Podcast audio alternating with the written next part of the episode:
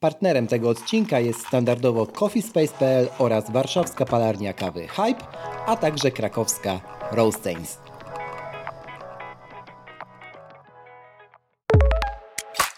Tu Krzysztof Kołacz, a Ty słuchasz właśnie podcastu. Bo czemu nie?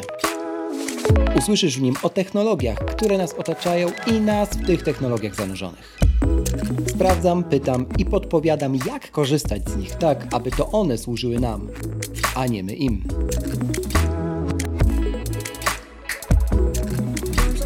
W dzisiejszym odcinku na czym polega zawód historyka kawowego? Jak dobierać kawę tak, aby znaleźć ten swój smak? O tym rozmawiam dzisiaj z Agnieszką Wolską. Zanim zaczniemy, proszę zostaw opinię na Apple Podcast lub na Spotify. Twój głos ma znaczenie. Zaczynamy.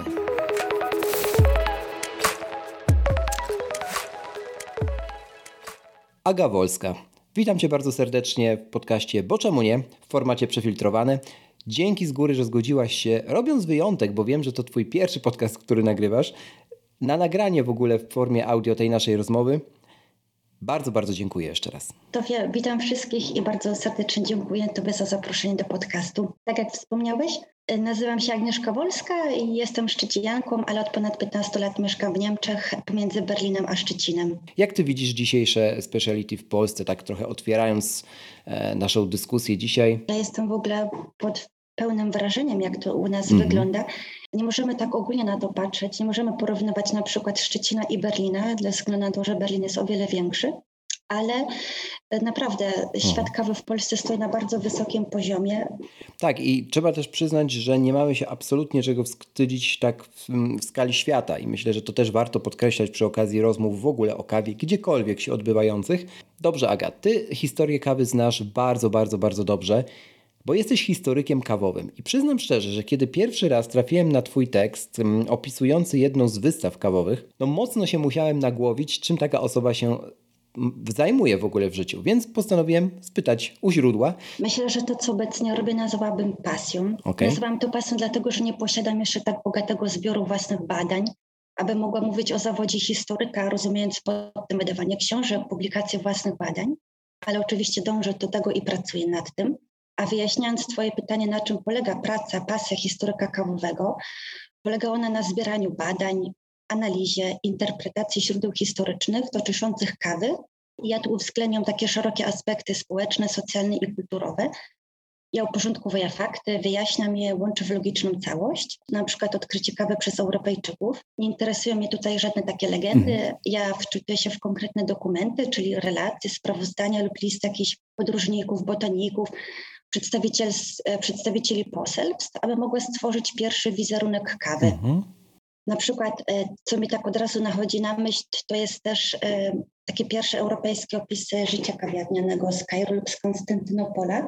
No i na tym polega po prostu moja praca historyka, dążyć do prawdy nie do jakichś fejków. Wydaje mi się, że w Twoich tekstach, zwłaszcza tych, które publikujesz u siebie, u siebie na stronie, oczywiście podlinkuję również do wszystkich tych źródeł, w tych tekstach też przebija taka misyjność płynąca od Ciebie, żeby pokazywać środowisku, całemu środowisku kawy, nie mówię tylko o rynku speciality, ale ogólnie o rynku kawy, że znajomość tej historii też ma duży impact na to, jak dziś prowadzimy, prowadzisz, chcesz prowadzić kawiarnię, czy w ogóle to jest biznes dla Ciebie, Jaki, jakiego sprzętu chcesz używać w tym biznesie jako przyszły właściciel kawiarni, czy jako mm, być może roaster, e, tak, osoba wypalająca kawę e, lub kupująca zielone ziarno. Czy tak jest, że próbujesz edukować, pokazywać, że za tym powinno stać trochę więcej niż tylko. Staram się uzmysłowić ludziom, że historia kawy to jest po prostu ogromna wartość dla naszego społeczeństwa, ale nikogo nie zmuszam i po prostu staram się jedynie zachęcić i mm, przede wszystkim zainteresować. Dlatego moje teksty, które piszę, a nie zanudzić, e, wiesz co, bo można rozmawiać o, o w kwestii historii na bardzo trudne tematy, a przez jakieś różne anegdoty, ciekawostki chciałabym wzbudzić ciekawość do tego zawodu. A od czego zaczęła się ta Twoja ciekawość? W sensie w ogóle Twoja przygoda mm, z kawą? No bo dojść do momentu w życiu, w którym się jest historykiem kawowym, to myślę, że trzeba mieć jakąś mocną inspirację gdzieś tam na początku tej całej historii, która cię trzyma przez wszystkie te lata i, i jesteś dalej w kawie i Wiesz o kawie chcesz opowiadać Na początku zafascynowałam się kawą ze względu na jej sensorykę, mhm. a potem po prostu jako obserwator zaczęłam analizować, jaki, kawa, jaki wpływ wywiera kawa na nasze społeczeństwo i strasznie mnie to zainteresowało. Podobało mi się, robiłam różne kursy grupowe, indywidualne. Ta kawa to jest taki element mojej edukacji, takiego własnego rozwoju. Bardzo mi się to podoba ze względu na to, że kawa ma takie naprawdę nieograniczone możliwości, bo to jest nie tylko historia, ale fizyka, biologia, chemia. Tak sobie jeszcze myślę o tej sensoryce, bo to też jest historia, którą bardzo często przywołuje Aga Rojewska, najbardziej utytułowana kobieta w kawie w ogóle na świecie i do tego Polka. I dla tych którzy z Was, którzy drodzy słuchacze jej nie kojarzą, to polecam sobie sprawdzić po prostu w Google. E, znajdziecie na pewno ogrom materiałów o, o Agnieszce. E, czy Ika Grabo w, tym, w swojej książce, e, kiedy mówią o sensoryce, to wspominają dzieciństwo. Czy ty miałeś coś takiego, że w dzieciństwie, no nie wiem, chociażby smak czy zapach jagód, takich prostych e, warzyw czy owoców, e, gdzieś nakierował te twoje zmysły na, na to, że to, co konsumujemy, to, co pijemy też, jest czymś więcej niż tylko, no wiesz, prostu pokarmem, tak, który pozwala nam tak, przeżyć? Tak, wiesz co, może na początku chciałabym serdecznie pogratulować Agnieszce jej międzynarodowych sukcesów oraz idzie za jest naprawdę fajną książkę wprowadzających się świat kawy. E, ja tak, ja pamiętam właśnie mhm. bardzo dużo, jestem powiązana z sensoryką, e, ja całe życie swoje po prostu wącham wszystko i jak byłam dzieckiem, to nikt tego nie rozumiał. Mam wręcz mam mhm. obsesję na punkcie swojego nosa. No i po prostu wykorzystałam to w kawie i i właśnie to, co tak jak już wcześniej wspomniałam, ten sensoryka bardzo mnie zaciekawiła.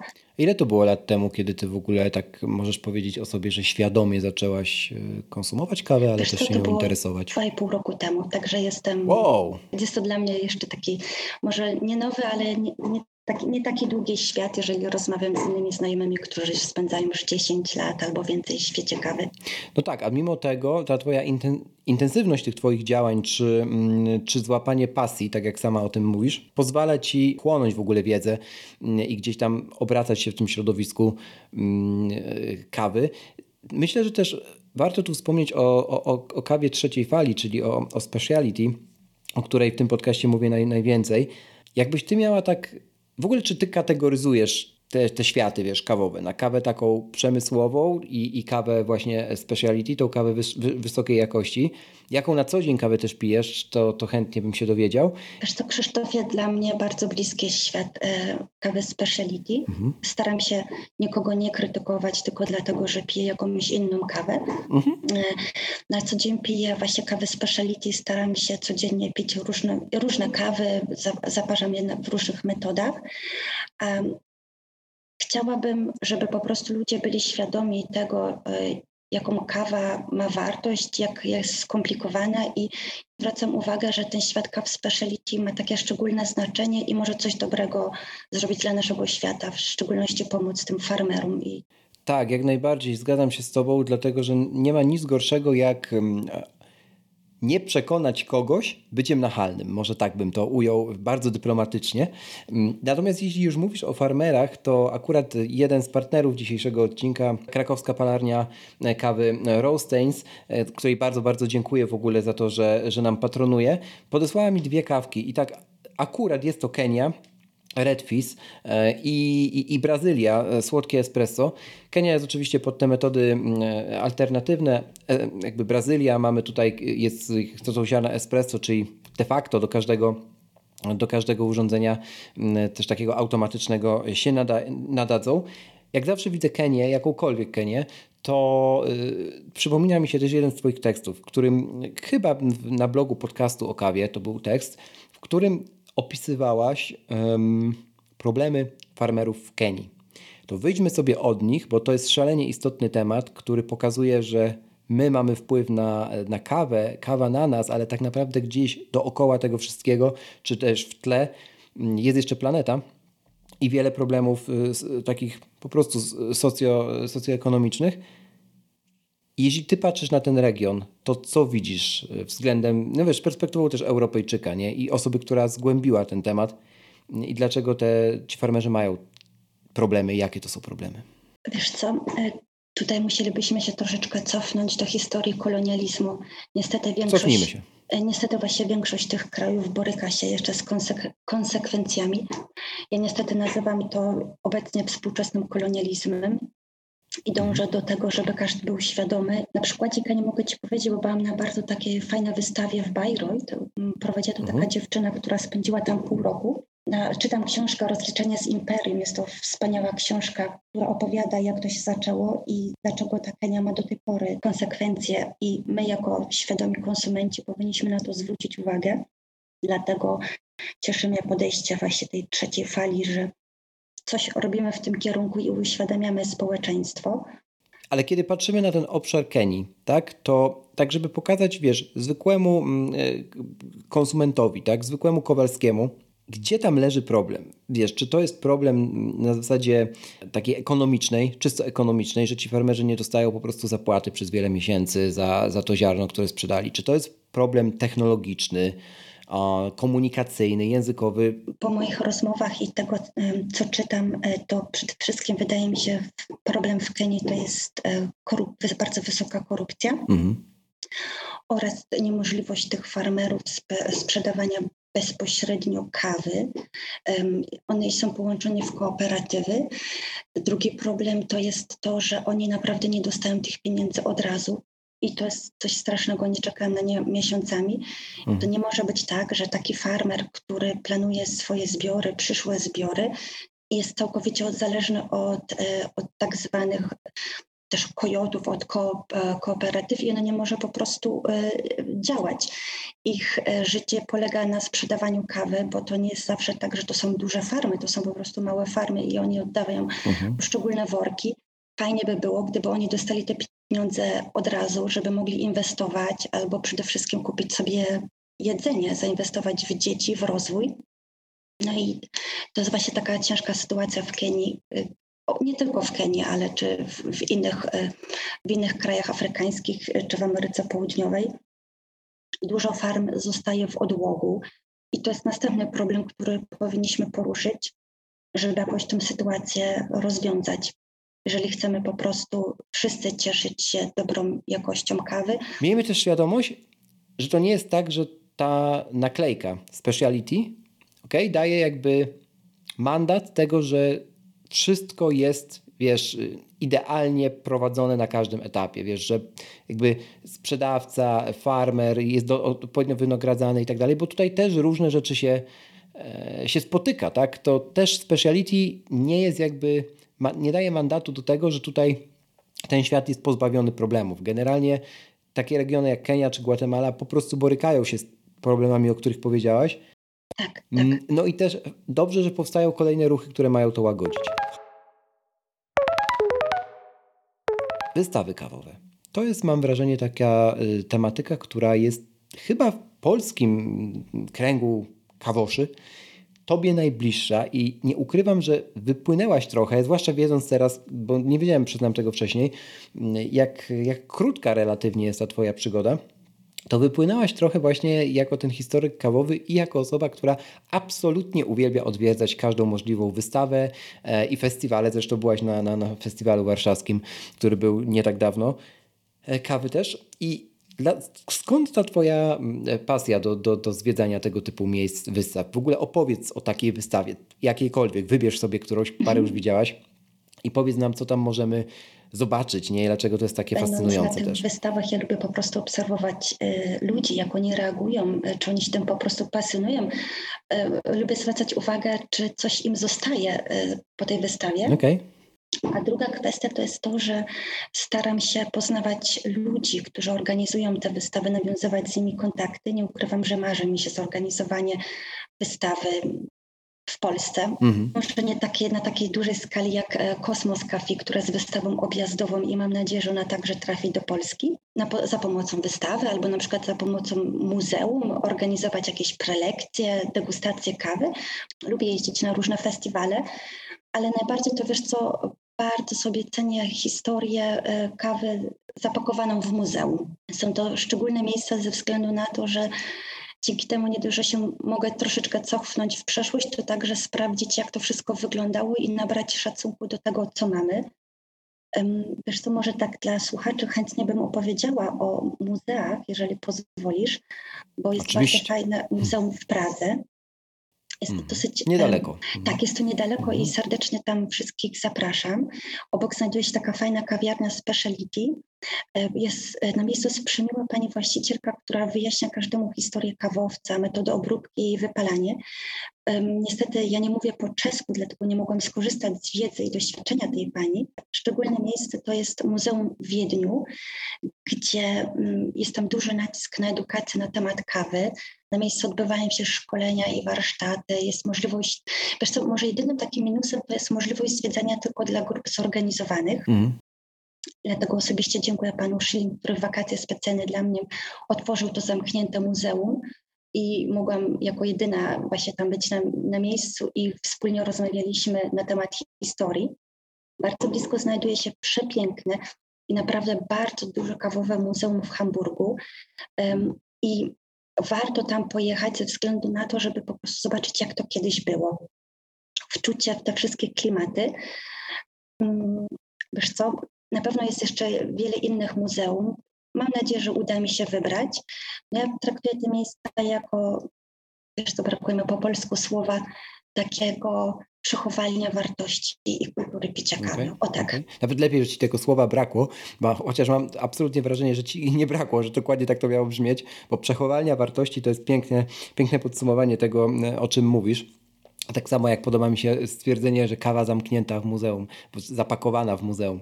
E, też, też kapitalne. E, słuchaj, Aga, a też trafiasz na takie mm, historie właścicieli tych miejsc, na przykład y, palarnia mm, kawy mm, Burg, przez Erika Burga założona. Też, y, też została ta palarnia w roku 1923, czyli bardzo dawno temu. I wiem, że też jak odwiedzałaś y, jedno z muzeów, to trafiłaś na tę jego historię i opisywałaś to dosyć kwieciście i, i szeroko na, na, na blogu swoim. I to są chyba te momenty, które ty najbardziej lubisz, nie? Że wchodzisz gdzieś, niby to jest miejsce takie jak wiele, nie? Czyli no po prostu muzeum kawy. Stoją tam jakieś sprzęty, mamy jakąś technologię, mm, ktoś tłumaczy nam o co w kawie chodzi, a z drugiej strony i mimo wszystko z każdym z tych miejsc jest związana inna historia, inna persona i inna droga tej osoby, założyciela, nie wiem, darczyńcy, kogokolwiek, do momentu powstania tego miejsca. Nie? To jest fascynujące, tak, tak przypuszczam przynajmniej. Takie magiczne momenty, bo to są naprawdę osoby pełne pasji i miłości do tego naboju. I co wiesz, co bardzo trzeba cenić, no bo na przykład wejście do takiego muzeum naprawdę nie kosztuje dużo, a utrzymanie tych wszystkich e, zbiorów jest bardzo drogie. Dlatego ja to cenię, że te osoby, na przykład jak e, Heburg, on podzielił się tymi wszystkimi eksponatami, bo to była jego wartość prywatna stworzył muzeum, mhm. e, żeby właśnie przekazać ludziom tą miłość, zainteresowanie właśnie do kawy. Jest to naprawdę wspaniałe. No i jeszcze co, na co zwróciłam uwagę, wiesz co, jeżeli ja podróżuję, bo ja zanim wyjadę, ja po prostu piszę do nich, przedstawiam się i mhm, bardzo, bardzo mnie e, cieszy, że oni poświęcają swój czas, żeby mi to opowiedzieć e, i tak dalej. Mhm.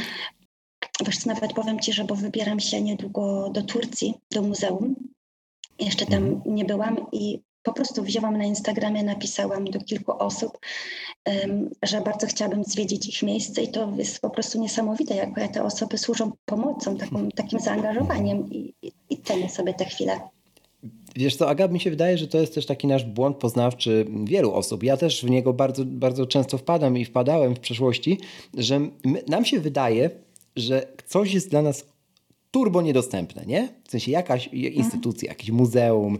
Przykładem może być e, Muzeum Produktów Apple, które też jest w Pradze, nomen omen, także jak będziecie, drodzy słuchacze, przy okazji chcieli zwiedzić to, o którym mówiła w Pradze e, Aga, to przypominam, że mamy tam dość spore i dobrze zadbane Muzeum Apple i tam było dokładnie tak samo, w sensie no wystarczyło napisać po prostu, mimo że tam są wejściówki, to żeby uzyskać jakby jakiś wgląd do rzeczy, które no niekoniecznie są dostępne dla każdego z ulicy, taki kontakt na, na linii pasjonat z pasjonatem albo osoba zainteresowana, która cokolwiek zrobiła w kierunku mm, tego, żeby dowiedzieć się czegoś więcej o danym miejscu, a to miejsce bardzo dużo drzwi potrafi otworzyć mm, dosyć szybko. Także warto się nie bać, jeśli macie jakieś takie swoje zajawki, mogą to być gry planszowe, nie wiem, cokolwiek e, i, i wiecie, że takie miejsca są, to po prostu do nich napiszcie, nie? Bo bardzo często te drzwi są otwarte, tylko my nie wiemy po prostu.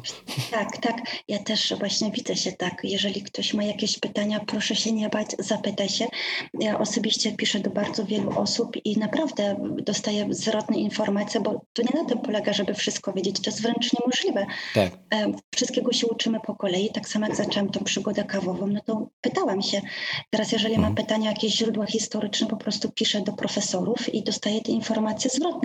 Jako przykład mogę Ci powiedzieć, wiesz co, buszowałam troszeczkę po internecie i napisałam do e, pana Braucholca i właśnie on mi wysłał swój film Kafe e, Rebelia i to e, opowiada właśnie film o zapadce stał w Meksyku. Tak mnie zafascynował ten temat. No jesteśmy cały czas w kontakcie i dzięki temu może coś z tego wyjdzie. Ja na pewno się zainteresowałam tym tematem, będę o tym pisała. No i coś robimy wspólnie dobrego dla tego świata kawowego. Zdecydowanie. Podobnie zresztą patrząc od strony samej palarni już. Przykładem tutaj może być chociażby drugi e, partner tego, tego odcinka, czyli warszawska, tym razem nie krakowska palarnia Hype. How are you brewing? Którą gorąco Wam polecam i jest takim przykładem biznesu, który jest po prostu kompletny, przynajmniej w moim zdaniem. Mm, no to oni przysłali też taką kawkę, która też jest z Kenii, ale mm, jest singlem, czyli w sensie był pewien, mm, pewna ilość tej kawy, już więcej się nie powtórzy, wszystko się sprzedało. Mam szalene, szaloną przyjemność mieć jedną z tych paczuszek. Ma unikatowy profil sensoryczny, który nigdy już się później w ogóle w historii świata nie powtórzy. Po prostu jest to jeden wypał, co wyjdzie, to wyjdzie. No i oni mi przysłali taką Kenię, ale to też jest przykład dogadywania się na linii B2B, nie? W sensie ktoś ma pasję do wina, ktoś ma pasję do piwa, ktoś ma pasję do kawy i nagle wszystkie te podmioty stwierdzają, że ej, kurczę, we wszystkim chodzi o zmysły, we wszystkim chodzi o smaki, zróbmy może coś razem, wyjdzie coś szalonego. No mnie takie historie urzekają, bo to też warto mieć świadomość, że istnieje też właśnie chociażby rynek speciality, czy mniejsze, mniejsze społeczności, w których takich różnych historii jest masa. Tak, tak, zgadzam się z tym, co powiedziałeś. Bardzo ładne. Zanim wrócimy do odcinka, dwa krótkie ogłoszenia. Po pierwsze, zapraszam do subskrybowania newslettera tego podcastu. The Menu Bar. Znajdziesz go pod adresem boczemunie.pl ukośnik newsletter. Tam co dwa tygodnie garść informacji ze świata technologii, kawy, podcastów. Ponadto porady dotyczące tego, jak efektywnie korzystać z urządzeń, które na co dzień nosimy przy sobie. Po drugie, zarówno newsletter, jak i ten podcast możesz wspierać. Zapraszam na mój profil na Patronite pod adresem wspieram.boczemunie.pl Wracamy do odcinka. Powiedz mi jeszcze, Aga, mm, jak ty tłumaczysz kawę znajomym, którzy o kawie wiedzą tyle, że no jest, w sensie istnieje taki twór na świecie, to y, tak od zera, jakbyś miała powiedzieć, możemy trochę od razu mm, do, tej, do tego rynku y, trzeciej i do trzeciej fali kawowej nawiązać, jeśli tam ona występuje w tej twojej opowieści. Jak ty próbujesz zarazić pasją tą swoją pasją, moją pasją do kawy innych, bo każdy robi to na inny sposób. Przede wszystkim bardzo na spokojnie. Tutaj zaczynam najczęściej od podstaw sensoryki. Dla mnie jest to temat bardzo ciekawy i zwróciłam uwagę, że wzbudza szczególne zainteresowanie wśród na przykład moich przyjaciół e, słuchaczy. Tłumaczę, co to są mhm. smaki podstawowe, aromaty, no i tak jak zawsze się o tym mówi, że kawa to owoc.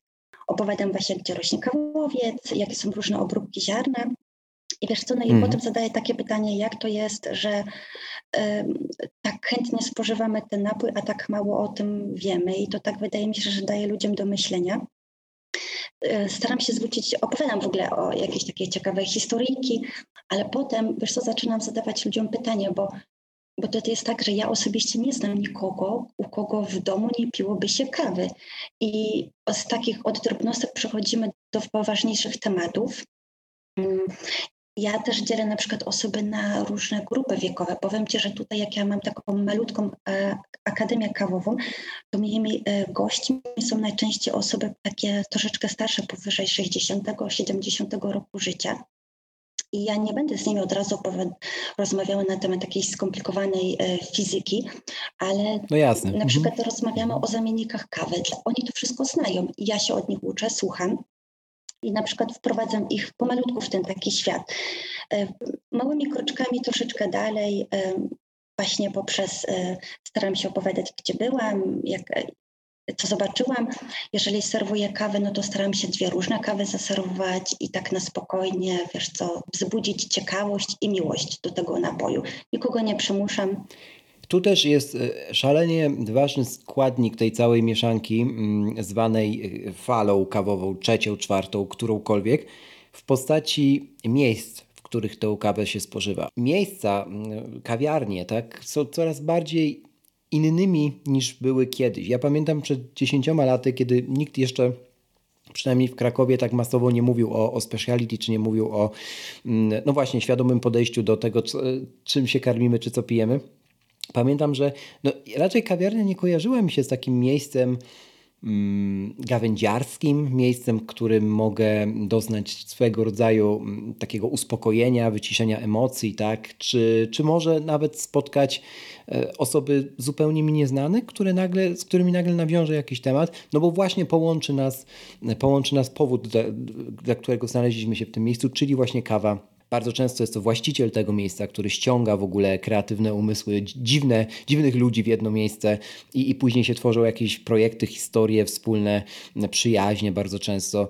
Mm, ja mam na przykład taką, taką historię z Andrzejem Wównianko, który też i z Coffee Space, który jest oczywiście stałym partnerem e, tego formatu e, przefiltrowane. E, I też myśmy się z Andrzejem poznali tak naprawdę w kawiarni, w sensie wiedziałem oczywiście wcześniej, że Andrzej tam zdobył mistrzostwo w Aeropresie, ale to też jakby trwa to do dzisiaj i, i, i mamy kapitalną relację, a połączyła nas tak naprawdę kawa. I to mi się wydaje takim wyróżnikiem, nie? że ta kawa to też jest pewnego rodzaju społeczność. Wiesz co, to jest pasja. Ja na przykład tutaj mhm. założyłam po niemieckiej stronie takie małe kawowe stowarzyszenie. Niestety ze względu na pandemię i tutaj ograniczenia w Niemczech musieliśmy troszeczkę ograniczyć nasze spotkanie, ale niedaleko w Szczecinie także jest Stowarzyszenie Kołowe Baltic Collective. No i na przykład jako pasjonaci planujemy, mam nadzieję, że uda się w tym roku coś wspólnie zorganizować, jakiś festiwal, Super. czy może jakąś wystawę dla ludzi. No i łączy nas to wszystko i fajnie, że coś się takiego dzieje, coś dobrego. Ja, ja, jestem przekonany, że ty kiedyś, prędzej czy później, myślę, że prędzej będziesz miała jakąś objazdową wystawę, to ja, ja jakby absolutnie, według mnie to się po prostu wydarzy. Tego ci życzę z całego serducha zresztą. Dziękuję. Jak sobie patrzymy jeszcze na to, co się dzieje obecnie na rynku, na trendy kawowe i, i, i to, co przed nami, to też wydaje mi się, że mocno widać zainteresowanie wypałem kawy, takim można powiedzieć nawet chałupniczym trochę. Bardzo dużo powstaje mikropalarni w ostatnich latach. Też chłopaki w podcaście o kawie mówili o tym sporo w jednym z ostatnich odcinków. E, okazuje się, że w ogóle w Polsce mamy tych palarni ponad 300, co jak tak usłyszałem tę liczbę, to przyznam szczerze, że się bardzo zdziwiłem. E, I my oczywiście to nie jest tak, że każda z tych palarni produkuje masowo wielkie ilości kawy, ale jednak sam fakt, że mm, osoby, które być może wcześniej były mm, baristami, być może wcześniej były, były, były właścicielami kawiarni, teraz próbują swoich sił w wypalaniu e, owoca, mm, e, owocu e, kawy, to pozytywne jest sama przyznać. To znaczy, że coraz bardziej w głąb idziemy i, i, interesujemy się tym. Z drugiej strony, tak patrząc na historię, to tutaj bym powiedziała takie zdanie, historia lubi się powtarzać bo tak naprawdę jeszcze kilkadziesiąt lat wcześniej każda gospodyni domu sama prażyła swoje zielone ziarna na patelni, a dzisiaj, no i nie było to wtedy nic dziwnego, no a dzisiaj na przykład, no oczywiście mamy lepsze sprzęty, jest lepsza powtarzalność, no i mamy domowych home roasterów, także tak, tak, jest mhm. to bardzo ciekawy temat. Mm, właśnie o tych sprzętach jeszcze chwilę po, porozmawiajmy. Ty też przy okazji odwiedzania różnych y, wystaw kawowych y, masz styczność z takim przekrojem technologii w kawie wtedy, no i dziś. O, jasne, że można tu powiedzieć o tej wyższej powtarzalności, o nie wiem, Mokamasterze czy innych różnych półautomatycznych lub automatycznych y, sprzętach, ale gdybyś tak ogólnie miała powiedzieć, co się zmieniło w technice dookoła kawy, w technologii dookoła kawy, to jak byś to opowiedziała? Bo tak o maszynach to jest mi zawsze trudno mówić. Co prawda też rozłożyłam swoją kolbówkę na wszystkie części, ją złożyłam, żeby zobaczyć jak to działa. Naprawdę? Tak, wow. tak, tak, ale wow. nie leży mi to. Natomiast e, tak mhm. może dla Twoich słuchaczy byłoby interesujący temat, jak to zmieniało się z kawą. Z metodami parzenia. Mhm. E, tak, mhm. tak. To wiesz co, to e, taki pierwszym etapem to jest przede wszystkim jak odkryto właściwości prażonego ziarna, ubijając te ziarnka tłuczkiem w naczyniu i zaparzano je wrzucając do, do gotującej się wody. W wieku około XVI wieku pojawia się pierwszy ibryk.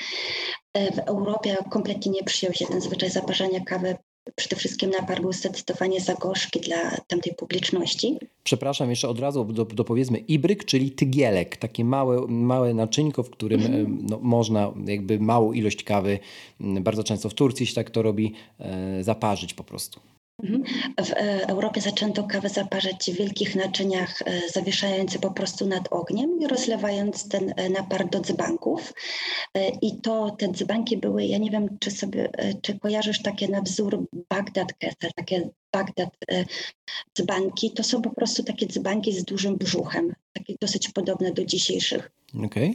Około 710 roku zaczęto stosować pierwsze filtry tylko że były to liniane woreczki i zawieszano je na sznureczku w dzbankach i zalewano wodą.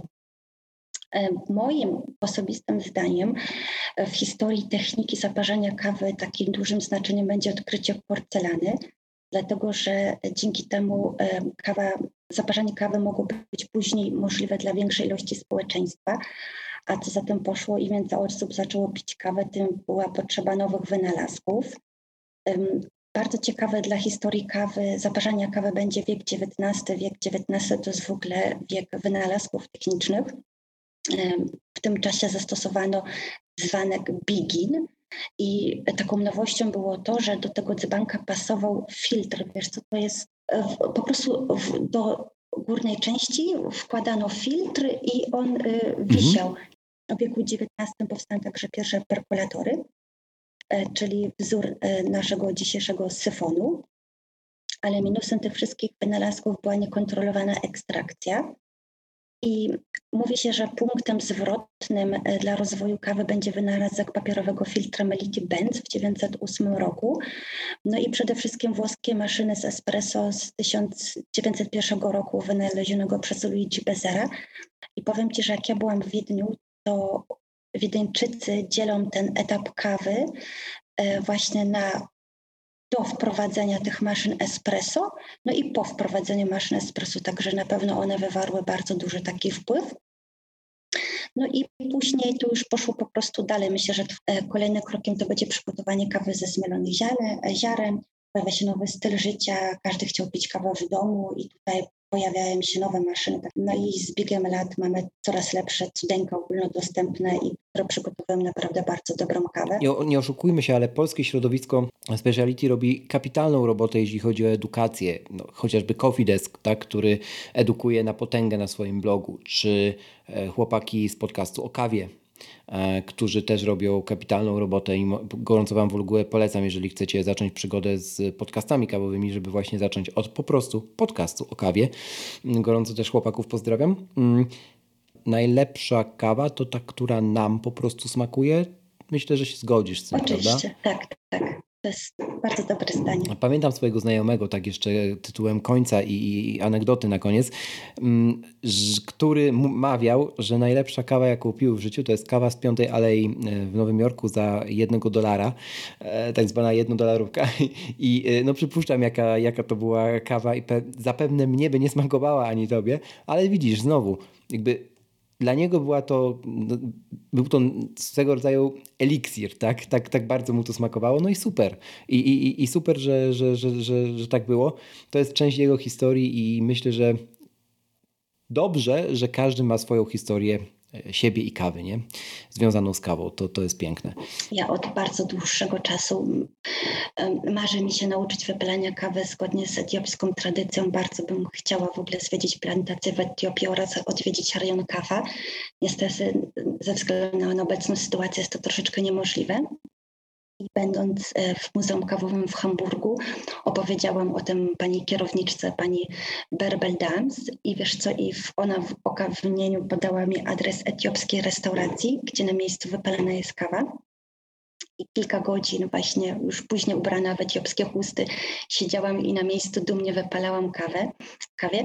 E, asystowała mi taka przymiła dziewczyna z Etiopii i ona była naprawdę bardzo sympatyczna. Wszystkiego mogłam dotknąć, powąchać, e, mogłam zaserwować kawę. E, muszę przyznać, że troszeczkę rozwaliłam im tak na maksa system działania, ale że byli tak cudowni i bardzo się cieszyli, że ja cieszę się z ich kultury. No i jestem im za to bardzo wdzięczna. Ponadto właśnie nawiązując rozmowę, opowiadając o kawie, przemiły pan właściciel zaoferował mi swoją przyszłą pomoc, jeżeli będę wyruszała na plantację do Etiopii. Wspaniale, tego Ci z całego serducha życzę i myślę, że moi słuchacze również. Bardzo, bardzo Ci, Aga, dziękuję za uchylenie przed nami sporej części historii.